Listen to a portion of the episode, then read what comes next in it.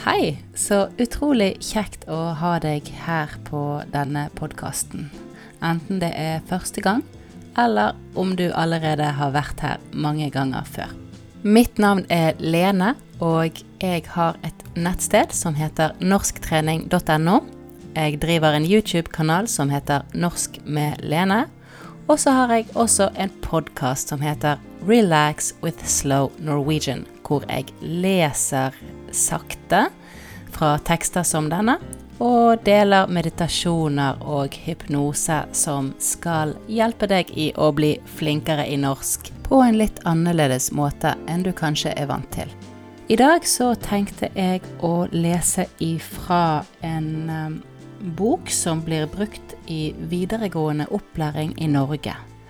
Og dette her er en bok som heter Portal påbygging, og den tar for seg verdenshistorie og norgeshistorie på det tredje videregående trinnet.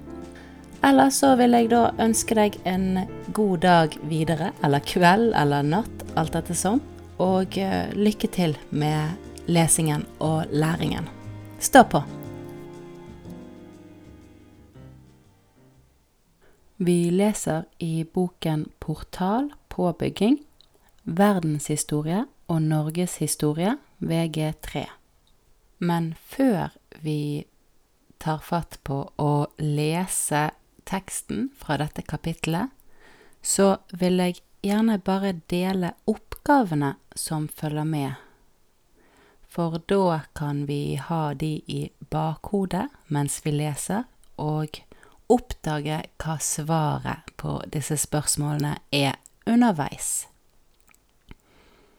Oppgave 1. Hva innebærer periodisering, og hvorfor driver historikere med periodisering? Oppgave 2. Forklar hva som menes med makroperspektiv og mikroperspektiv. Oppgave 3. Hva mener historikerne med begrepene kontinuitet og endring? Da setter vi i gang med å lese kapittel 1. Læreplanmål for dette kapittelet. Eleven skal kunne forklare hvorfor historikere og andre deler tidsløp inn i perioder, og diskutere hvilke kriterier som ligger til grunn for dette. Hva er historie? Historikere prøver å finne ut hva som har skjedd tidligere, og hvorfor det har skjedd. De prøver å finne ut hvordan samfunn ligner på hverandre, og hvordan de er forskjellige. I dette arbeidet må historikere bestemme seg for hvilke perspektiver som skal velges, hvilke geografiske områder de skal studere, og hvordan de skal dele inn historien i tidsperioder. Nils Hertzberg fra 1759 til 1841 Et bryllup i Kinsarvik prestegjeld. Det er et akvarell fra ca. 1820. Denne livlige beskrivelsen av et bondebryllup malte Hertzberg mens han var sogneprest i Kinsarvik. Til venstre i bildet ser vi brudeparet, hun iført brudekrone og bunad. Det må være et stykke ut i måltidet, for felespilleren har begynt å spille, og noen har forlatt bordet for å danse. En av danserne sparker så høyt at han treffer en grøtskål. To slåss, mens konen til den ene forsøker å hindre dem. Lengst til høyre sitter et par som er mer interessert i hverandre enn i mat, dans og slåsskamper.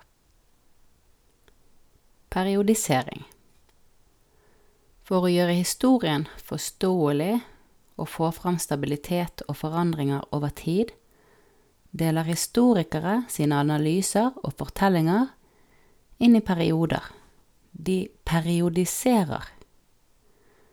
Hvordan periodene vil se ut, og hvilke tidsspenn de skal dekke, vil alltid avhenge av hva historikeren skal studere.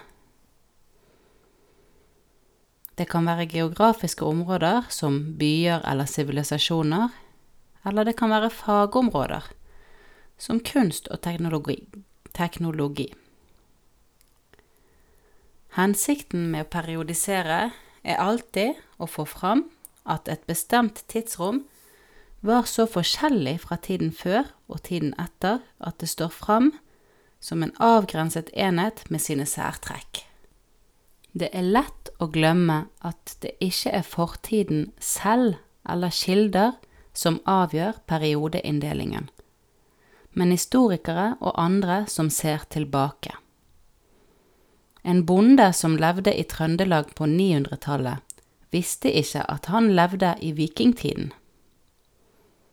Magnus Lagerbøte, som var konge i Norge fra 1263 til 1280, var ikke klar over at det var i høymiddelalderen han regjerte. Det kan vi si fordi merkelappene vikingtid og middelalder ble laget i en senere tid, og ofte kan vi lese holdninger og vurderinger hos de som ga navn til en periode. Det var for eksempel lærde som levde på 1400- og 1500-tallet under renessansen, som først tok i bruk ordet middelalder for å karakterisere den lange perioden med uvitenhet og overtro, mørke og barbari som kom mellom antikkens glanstid og samtiden. Vi ser ikke lenger på middelalderen som en mørketid men ordet er innarbeidet og fortsatt i bruk. Også i denne boken, fordi denne perioden skiller seg ut fra tiden før og tiden etter. Historiske perioder er ofte delt inn i tiår eller hundreår. Vi snakker om 30-årene og 60-årene, 1800-tallet og 1900-tallet. Det kan være greit å periodisere på en slik måte, men problemet er at tidsrammen sjelden samsvarer fullt ut med hendelsene eller temaene som skal analyseres. Et pussig eksempel.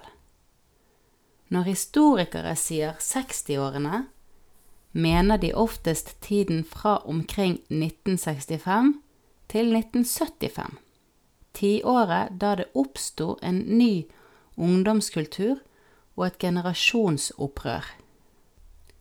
Ett enkelt år har dessuten gitt navn til en hel generasjon. 68-erne.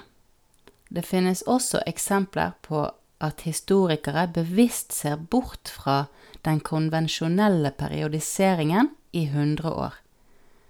En av vår tids fremste historikere, briten Erik Hobsbawm, har skrevet om det korte 20. århundre, som begynte med utbruddet av første verdenskrig i 1914 og sluttet med kommunismens fall i Europa i 1989-91. Likeledes er det gode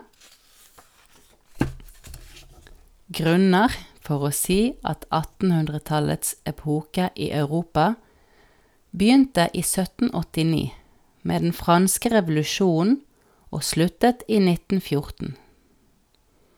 Da blir 1800-tallet det lange århundret. Vi har i denne boken lagt oss tett opp til en slik periodisering, men vi lar to revolusjoner, den franske og den industrielle, danne opptakten og angi retningen for vår historie i nyere tid. Hobsbawns korte århundre vil også skinne gjennom i den delen av boken som tar for seg de to verdenskrigene og den kalde krigen. Men når begynner og når slutter en historisk periode? Ved å la en ny fase begynne med den franske revolusjonen har vi sagt at noe nytt har inntruffet, og at det nye kom til å prege det kommende århundret. Men det er sjeldent en kan se så klare bruddpunkter som en revolusjon. Den industrielle revolusjonen i England, vårt andre startfelt, var en sammensatt og langsom prosess som strakte seg fra midten av 1700-tallet til 1830-årene. Men fordi den industrielle revolusjonen utløste varige økonomiske og sosiale forandringer, blir han sett på som et overordnet tidsskille i verdenshistorien. Det kan være vanskelig å avgjøre hvor et tidsskille skal settes, men det tvinger oss til å tenke over hvilke hendelser som er så viktige og så betydelige at de skal avgjøre en historisk periode. Historikere er også opptatt av å forstå kontinuitet og endring. En historiker vil oppdage at mange av tankene, handlingene og gjenstandene til menneskene har lang levetid i et samfunn, mens mye annet forandrer seg. Den viktigste oppgaven for historikere er å avdekke hvordan og hvorfor noe endrer seg, mens mye varer ved. Når vi arbeider med slike spørsmål, forstår vi bedre det samfunnet vi lever i, og dermed kan vi også sette vårt eget liv inn i en større sammenheng. Mikrohistorie og makrohistorie.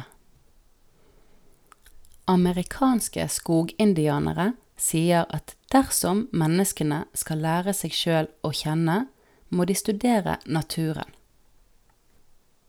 Ved å observere hvordan plantene og dyrene lever, kan vi få innsikt i livets store mysterier.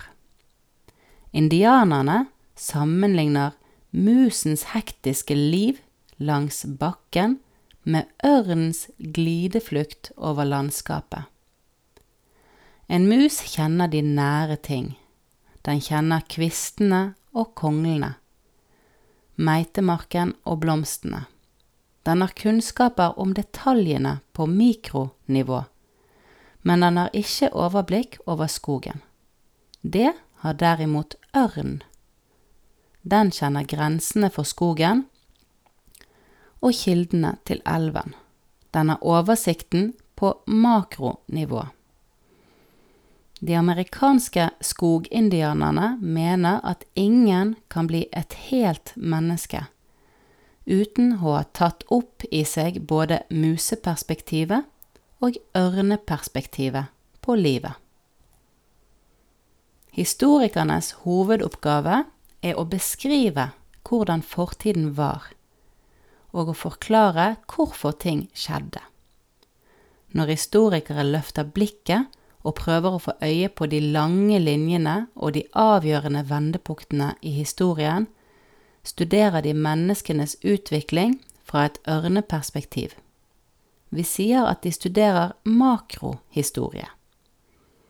I dette perspektivet ser de alle folkeslagene på kloden til alle tider og prøver å beskrive hva som gjør at samfunn er like og ulike når historikere derimot studerer mikrohistorie, tar de utgangspunkt i historisk materiale. I håndfaste ting som vi kan se, ta og føle på.